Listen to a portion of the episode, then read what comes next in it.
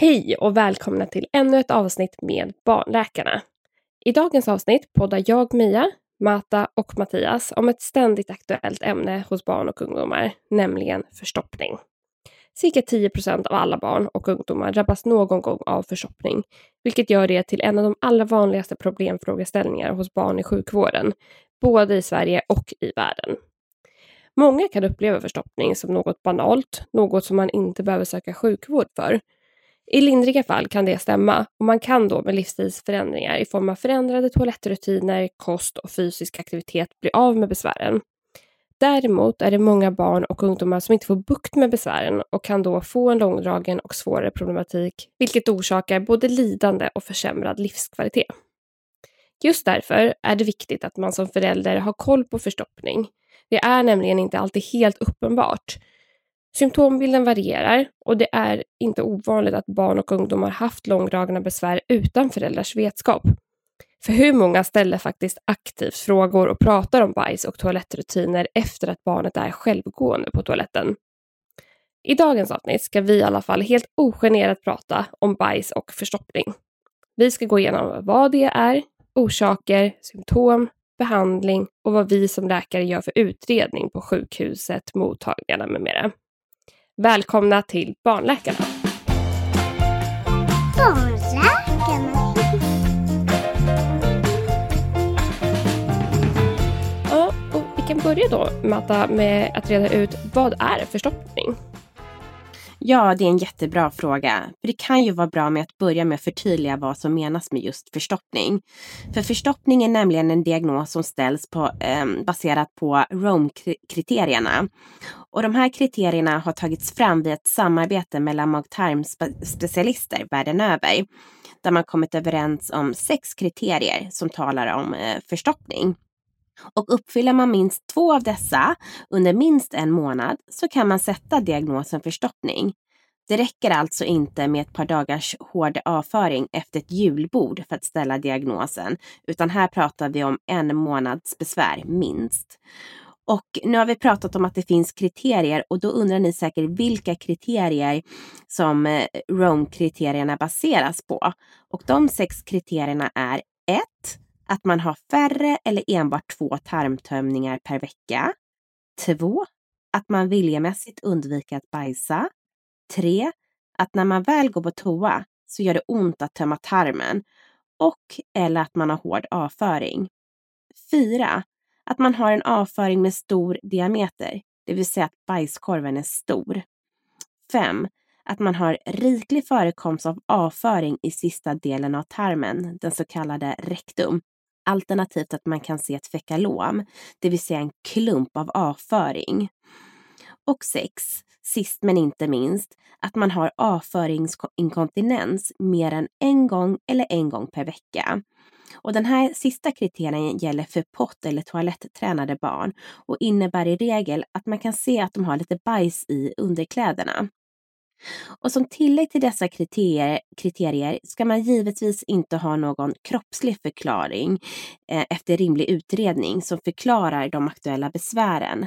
Men är man ändå osäker på om ett barn har en funktionell förstoppning som vi pratar om eller inte, när till exempel bara ett av de här ROME-kriterierna är uppfyllda, så är ändå rekommendationerna att man testar att behandla som om det vore en förstoppning med läkemedel som vi kommer att prata om mer om senare. Men jätteintressant Matta. Men eh, vad är det som orsakar förstoppning då? Jo, men orsaken till att barn och ungdomar blir förstoppade beror mycket sällan på någon sjukdom eller fel på något organ. Oftast uppstår förstoppning på grund av att tarmtömning helt enkelt undviks. Och det beror inte sällan på att barnen tidigare upplevt en smärtsam tarmtömning och, och därför undviker att tömma magen för att undvika smärtan.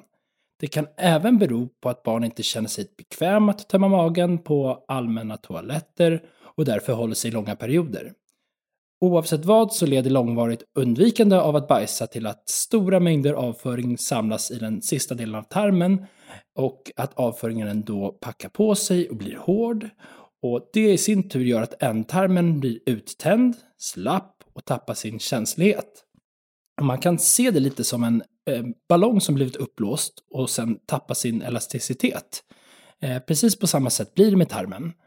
Och det här skapar då en ond cirkel. För det som gör att vi känner att vi behöver gå på toaletten och bajsa är just när avföringen trycker på, på tarmväggen. Och har den blivit uttänd och slapp av tidigare förstoppning så innebär det att du måste helt enkelt samla på dig mer avföring innan avföringen, avföringen kommer i kontakt med väggen. Så du behöver helt enkelt bli förstoppad igen innan du känner att du behöver gå på toaletten. Och sen är det ytterligare en faktor att tarmen tappar sin känslighet eh, när man är förstoppad. Och barnet känner då inte av de signaler som, som kommer från tarmen på samma sätt som, som det brukar. Och då kan barnet helt enkelt omedvetet gå och hålla sig även fast tarmen är helt full av bajs och det skulle verkligen behöva tömmas. Sen är det viktigt att även nämna de blöjbarn som ofta står upp och bajsar. Står man upp och bajsar så kan man helt enkelt inte slappna av med de musklerna som ligger runt eh, framförallt den sista delen av tarmen i vad vi kallar bäckenbotten längst ner. Och eh, då är besvär egentligen inte kopplat till någon sjukdom med förstoppning utan det är mer ett, ett beteende som gör att barnet eh, blir förstoppat. Och de här besvären brukar ju med sig när barnet lärt sig huksitta och, och bajsa på pottan. Ja, men så himla bra att vi fick det förklarat. Och precis som du nämnde Matt, så förutsätter ju Romkriterierna eh, att annan sjukdom utesluts som kan förklara besvären. Och vilka sjukdomar är det? Ja, det finns ju såklart många sjukdomar som kan ge symptom som vid förstoppning. Men de flesta visar sig dock inte enbart med hårda och glesa avföringar, utan då har man även samtidigt flera andra symptom. Och för att nämna några tillstånd eller orsaker som kan yttra sig som förstoppning så har vi till exempel komjölksproteinallergi, neurologiska sjukdomar, depression, ätstörningar, IBS och olika mediciner som till exempel järntillskott som kan ge förstoppning. Så vid förstoppning så ställer därför läkaren ofta frågor och tittar på tillväxtkurvor och andra saker för att utesluta att ingen annan sjukdom föreligger.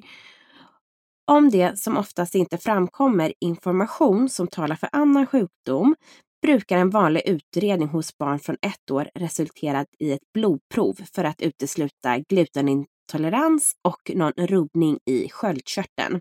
Men dessa tillstånd är som jag nyligen nämnde ofta associerad med andra symptom.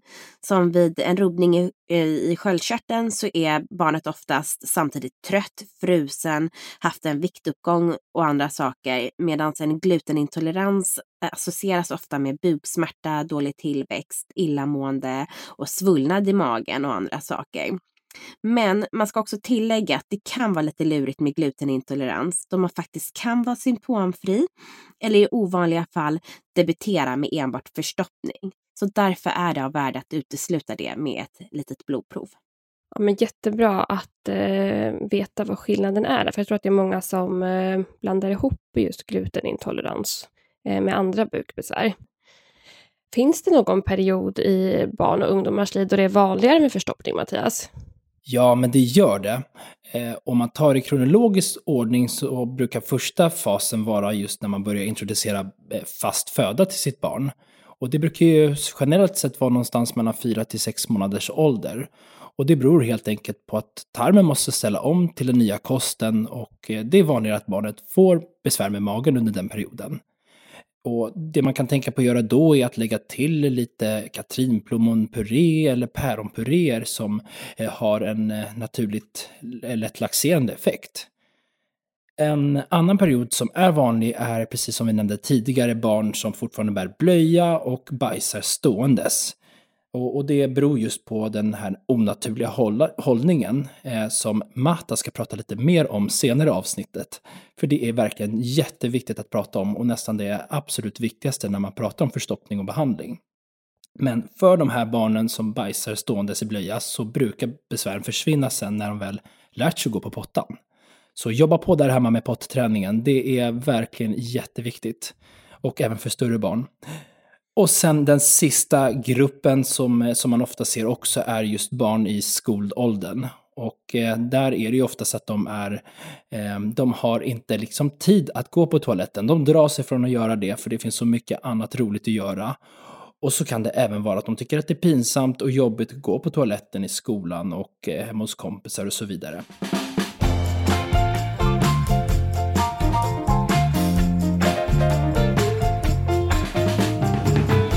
Påminn oss att gå på toaletten. Även om vi tycker ni är jobbiga. Ja, men jättebra det här med hållningen, för det tror jag att många glömmer. Men Mattias, vilka symptom kan man ha vid förstoppning då?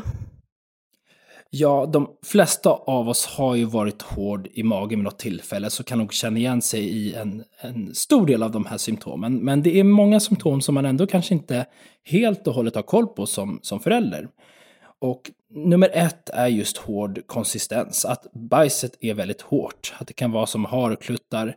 Eh, och vi, vi använder ett bildverktyg inom sjukvården där man eh, ser små bilder på olika konsistenser och så får man peka ut hur, hur konsistensen ser ut för barnet.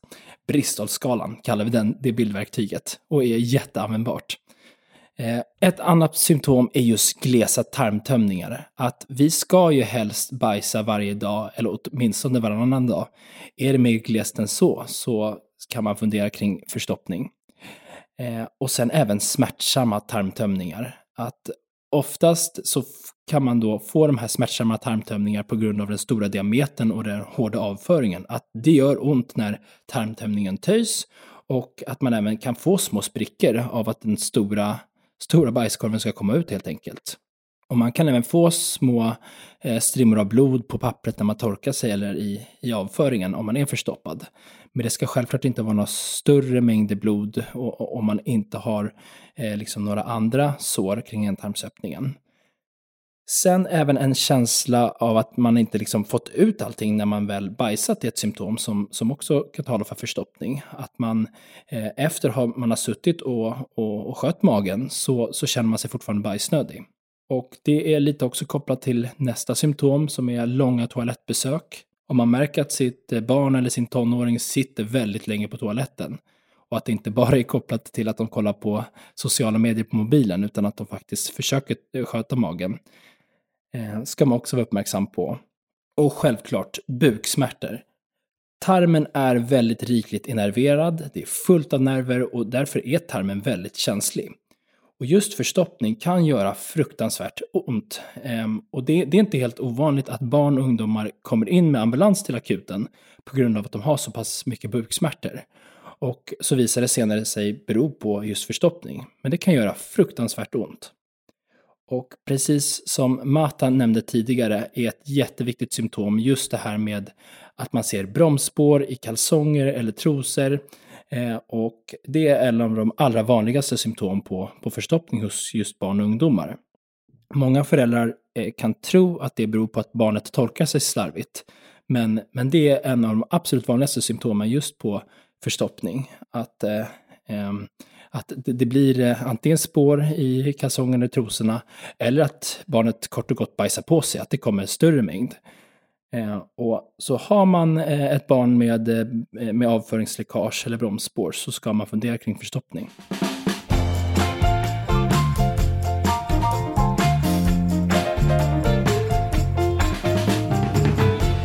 Förstoppning behandlas på fyra sätt samtidigt. Ändra hur och när man bajsar. Ändra hur jag äter och dricker. Fysisk aktivitet. Magmediciner. Okej, ja men det här med bromsspåren, vad, vad beror det egentligen på?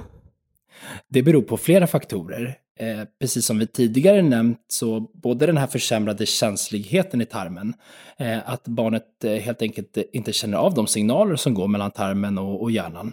Så barnet känner inte av när den behöver gå på toaletten och därför omedvetet håller sig. Eh, en annan faktor är just att eh, har man mycket avföring i sista delen av tarmen så töjs tarmen ut och eh, då töjs även de ringformade muskler som har till uppgift att hålla tillbaka bajset. Även de dras ut och, och släpper lättare ut eh, bajs. Och sen en annan faktor är just om en stor mängd hårt bajs packas och knådas ihop av tarmen så kan det bildas som en stoppkork som sätter sig i sista delen av tarmen men inte kan pressas ut för den är för stor. Och det är precis detta som Mata nämnde. Eh, vi kallar det ett fekalom, den här stoppkorken. Och tarmen fortsätter ju att arbeta eh, och, och, trycker fram eh, eh, avföring i, i, i, tarmen mot den här stoppkorken som fortsättningsvis inte kan pressas ut. Eh, och när tarmen fortsätter att trycka så är det enda avföringen som kan ta sig runt den här hårda korken är just lös avföring. Och, eh, och, och då kommer det eh, bara ut löst bajs och inget annat. Och det är det vi kallar för förstoppningsdiarré. Och det kan vara lite svårt att förklara för föräldrar ibland som söker sjukvård med sitt barn eller sin ungdom som har lång tid haft ont i magen och diarréer. Och de kan vara oroliga för någon mag, maginfluensa eller magsjuka. Men så visade det sig faktiskt bero på förstoppning, vilket känns som raka motsatsen mot vad de sökte för. Eh, men, men det är, och där är det jätteviktigt att man tar en, en fördjupad eh, sjukdomshistoria och frågar barnet om dess symptom och, och, och frågar efter eh, tecken som kan, klara, som kan tala för förstoppning. Och att man ibland kan prova att behandla förstoppningen och se om det, det förbättrar besvären. Men det kommer vi till just behandlingen lite senare i avsnittet. Sen så finns det flera andra symptom som inte är lika kända hos allmänheten, eh, hos just barn och ungdomar med förstoppning. En av dem är minskad aptit, eh, viktnedgång, illamående och även kräkningar. Eh, det är nämligen så att människokroppen, den, den är klok. Och när vi äter så, så har vi en reflex som automatiskt sätts igång eh, och ökar tarmarbetet. För om vi fyller på med mat via munnen så behöver vi samtidigt ge plats för den maten och därför tömma tarmen. Och vi kallar den här reflexen för den gastrokoliska reflexen. Så när det förstoppade barnet äter så aktiveras den här reflexen och tarmarbetet ökar. Och har man då en stor hård avföring som tarmen håller på att knåda till, eller knådar runt omkring, så gör det ju ont. Och det kan göra jätteont. Och det kan då göra att barnet kort, eller i samband, kort efter måltid eller i samband med måltid får ont i magen och tappar aptiten. En sista liten eh, sak som jag ändå tycker är viktig att nämna är just barn med återkommande urinvägsinfektioner eh, kan också bero på förstoppning. Att även där kroppens signaler eh, från inte bara tarmen utan även urinvägarna eh, blir, blir mindre känsliga. Och, och, det kan göra att man lättare drar, drar på sig urinvägsinfektioner. Men du Matta, jag tänker att det är ju vanligt med förstoppning och det är många eh, barn som kan få förstoppning. Men är det någon patientgrupp där man bör liksom, vara extra varsam på att söka vid just förstoppningsbesvär? Ja, det är en grupp som man bör vara vaksam över och det är just spädbarn som enbart ammar. För helammade barn kan i princip inte bli förstoppade Däremot ska man komma ihåg att det kan vara normalt att de bajsar endast en gång i veckan eller till och med en gång vartannat, vartannan vecka. Men så länge de växer, utvecklas och inte ter sig besvärade är de alltså inte förstoppade.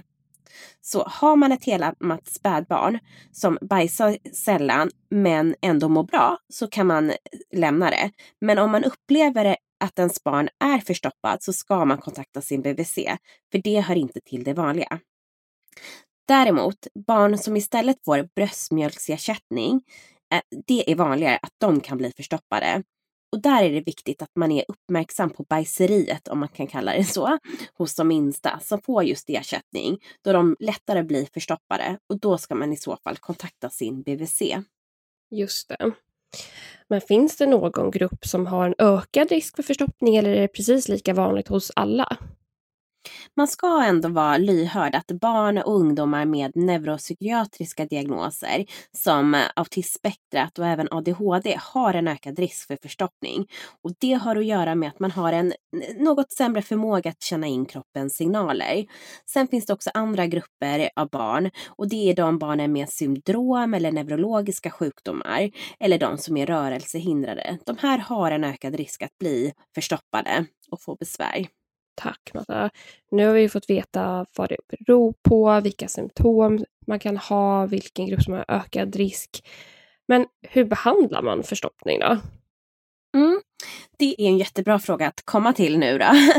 Det är så att vi behandlar förstoppning med fyra olika metoder där förändrade toalettrutiner, kost och vätskebehandling, fysisk aktivitet och läkemedelsbehandling ingår. Och för att få bukt med förstoppningen så krävs det att man arbetar med alla fyra områden samtidigt. Och viktigt är att komma ihåg att man ska behandla tills man nått behandlingsmålet och det är att man har regelbundna och smärtfria tarmtömningar med mjuk konsistens.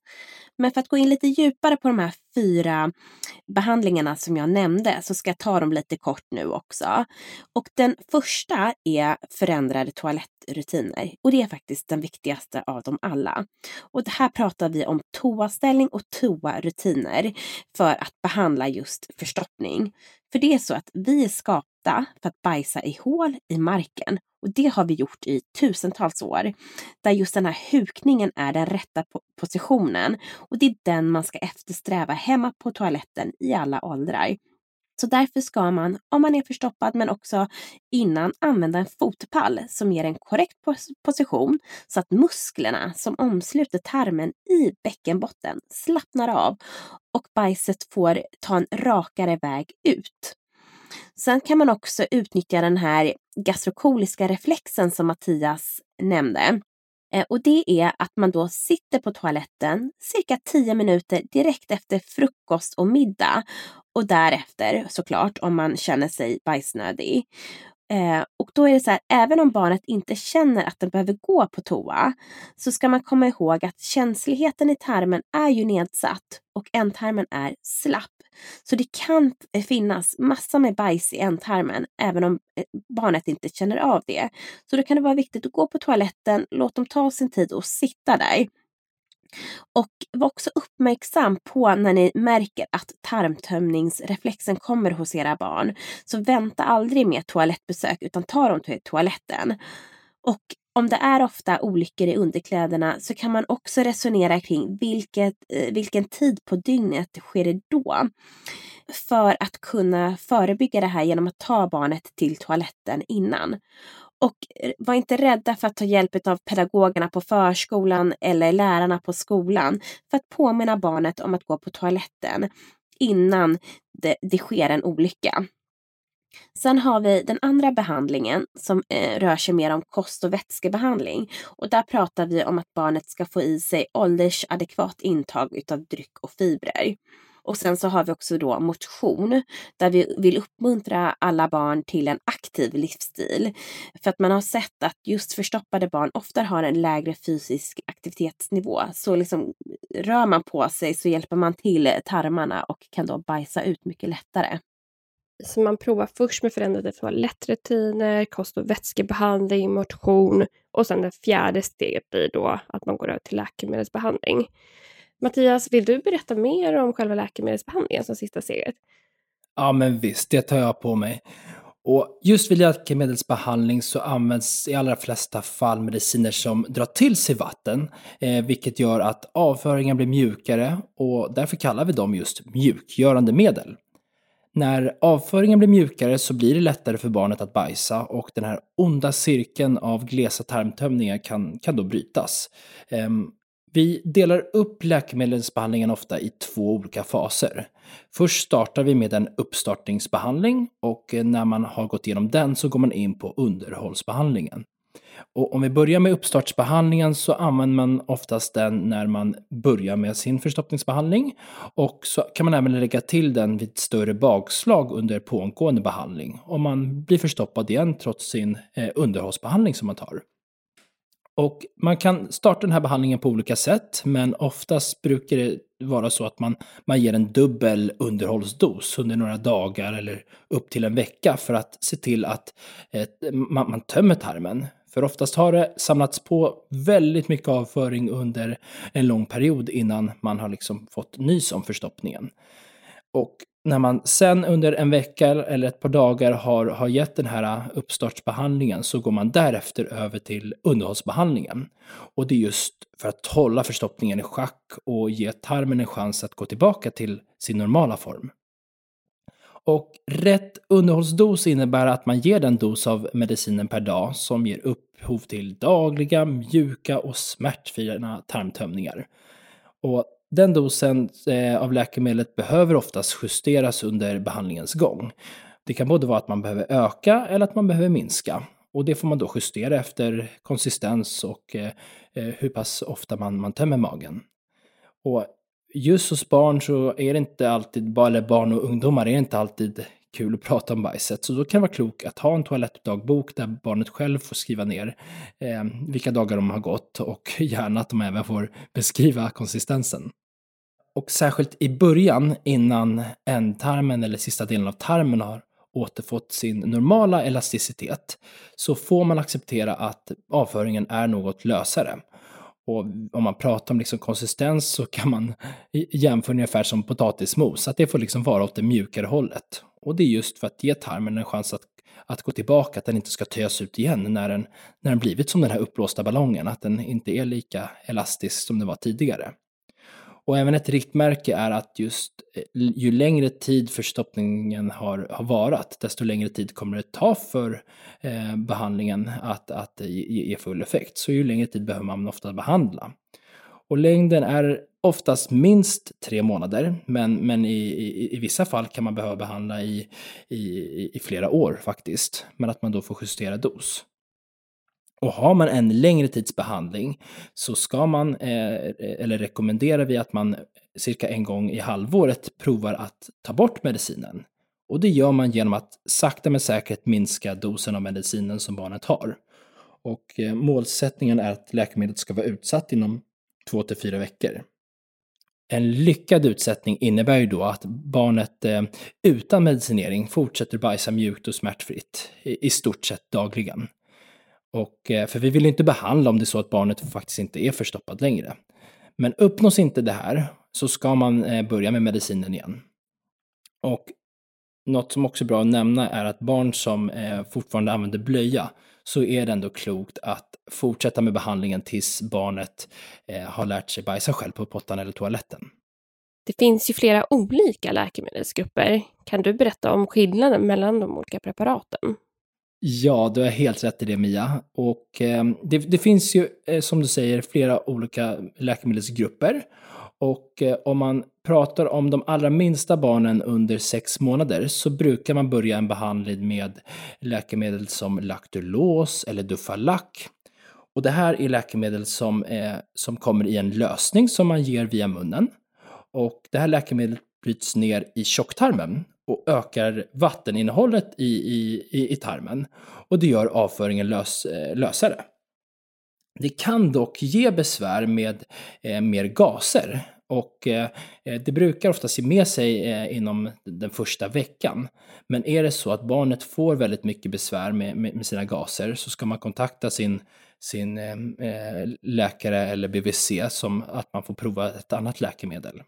En annan grupp och den, den vanligaste gruppen eh, är just makrogol. Makrogol är en annan grupp av läkemedel som ingår under just de här mjukgörande läkemedlen. Och de rekommenderas som förstahandsbehandling för barn äldre än 6 månader. Och de här läkemedlen kommer i en pulverform och man blandar dem med en valfri dryck utan kolsyra. Och det fungerar lite som, som fibrer gör i kosten. Läkemedlet tas inte upp från tarmen utan det går genom mag-tarmkanalen och drar till sig vätska och, och gör avföringen eh, fylligare, vilket stimulerar tarmens rörelser. Och den här medicinen ska helst tas på morgonen och det ska man då ta varje dag. Och eh, det som är viktigt att känna till är att det är viktigt att barnet får i sig liksom en normal mängd vätska för att läkemedlet ska fungera bra.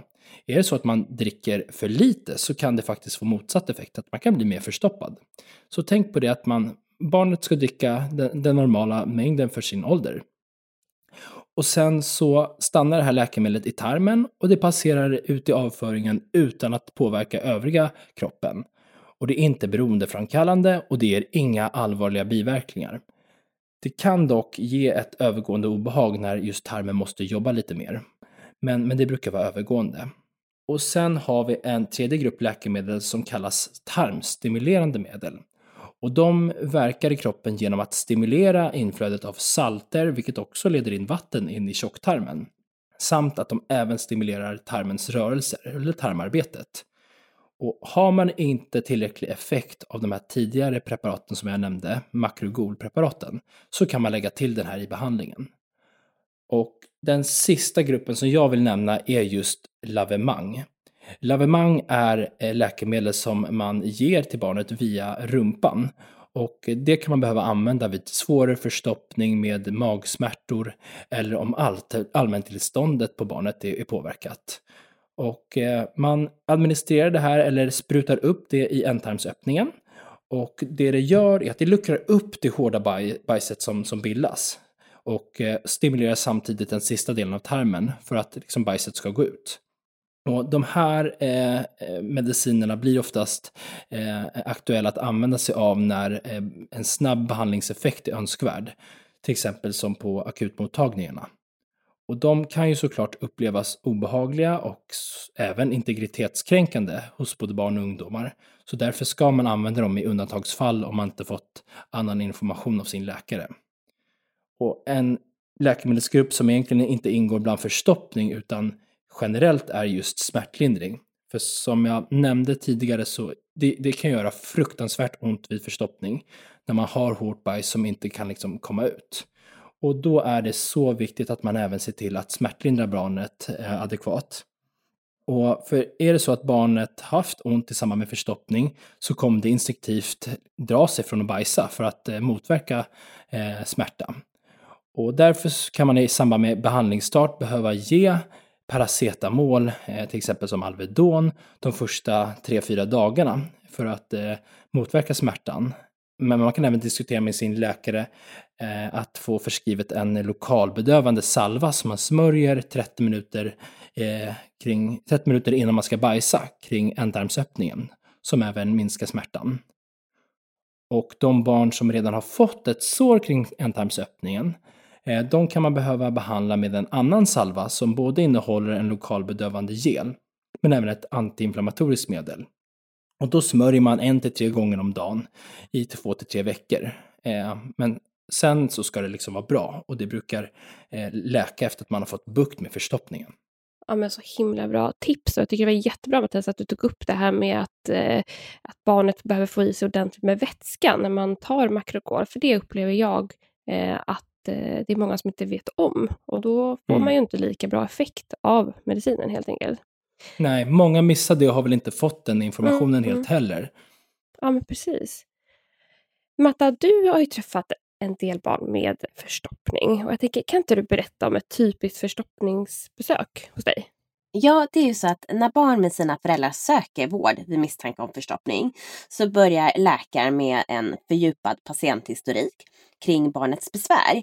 Och i den här historiken så ställer vi bland annat frågor för att utesluta någon kroppslig sjukdom. Men vi frågar också mycket kring toalettrutiner, hur barnet äter, hur pass fysiskt aktiv den är och om det finns några ärftliga magsjukdomar i familjen.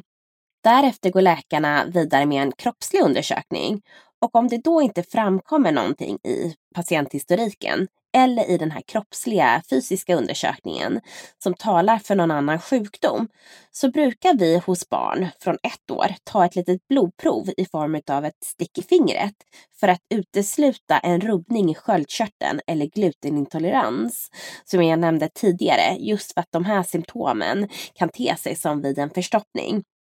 Och efter det så sätter vi in behandling eh, som är lämplig för barnets ålder, precis det som Mattias nämnde tidigare. Och så bokar vi givetvis en uppföljning efter ett par månader för att utvärdera hur eh, behandlingen har tätt sig och hur barnet mår. Det är så härligt att ni så ogenerat kan prata fritt om kiss och bajs. Och på tal om bajs, vilken matnyttig information vi har fått med massa tips på vad man kan göra hemma själv och vad man ska förvänta sig när man söker sjukvård. Vi hoppas att vi har förtydligat att förstoppning är ett vanligt problem och att det sällan beror på en allvarlig sjukdom, utan att det mer är kopplat till toalettrutiner. Och med den här frågan så avslutar vi dagens avsnitt. Tack för den här gången, så hörs vi snart igen. Ta hand om er. Hej då!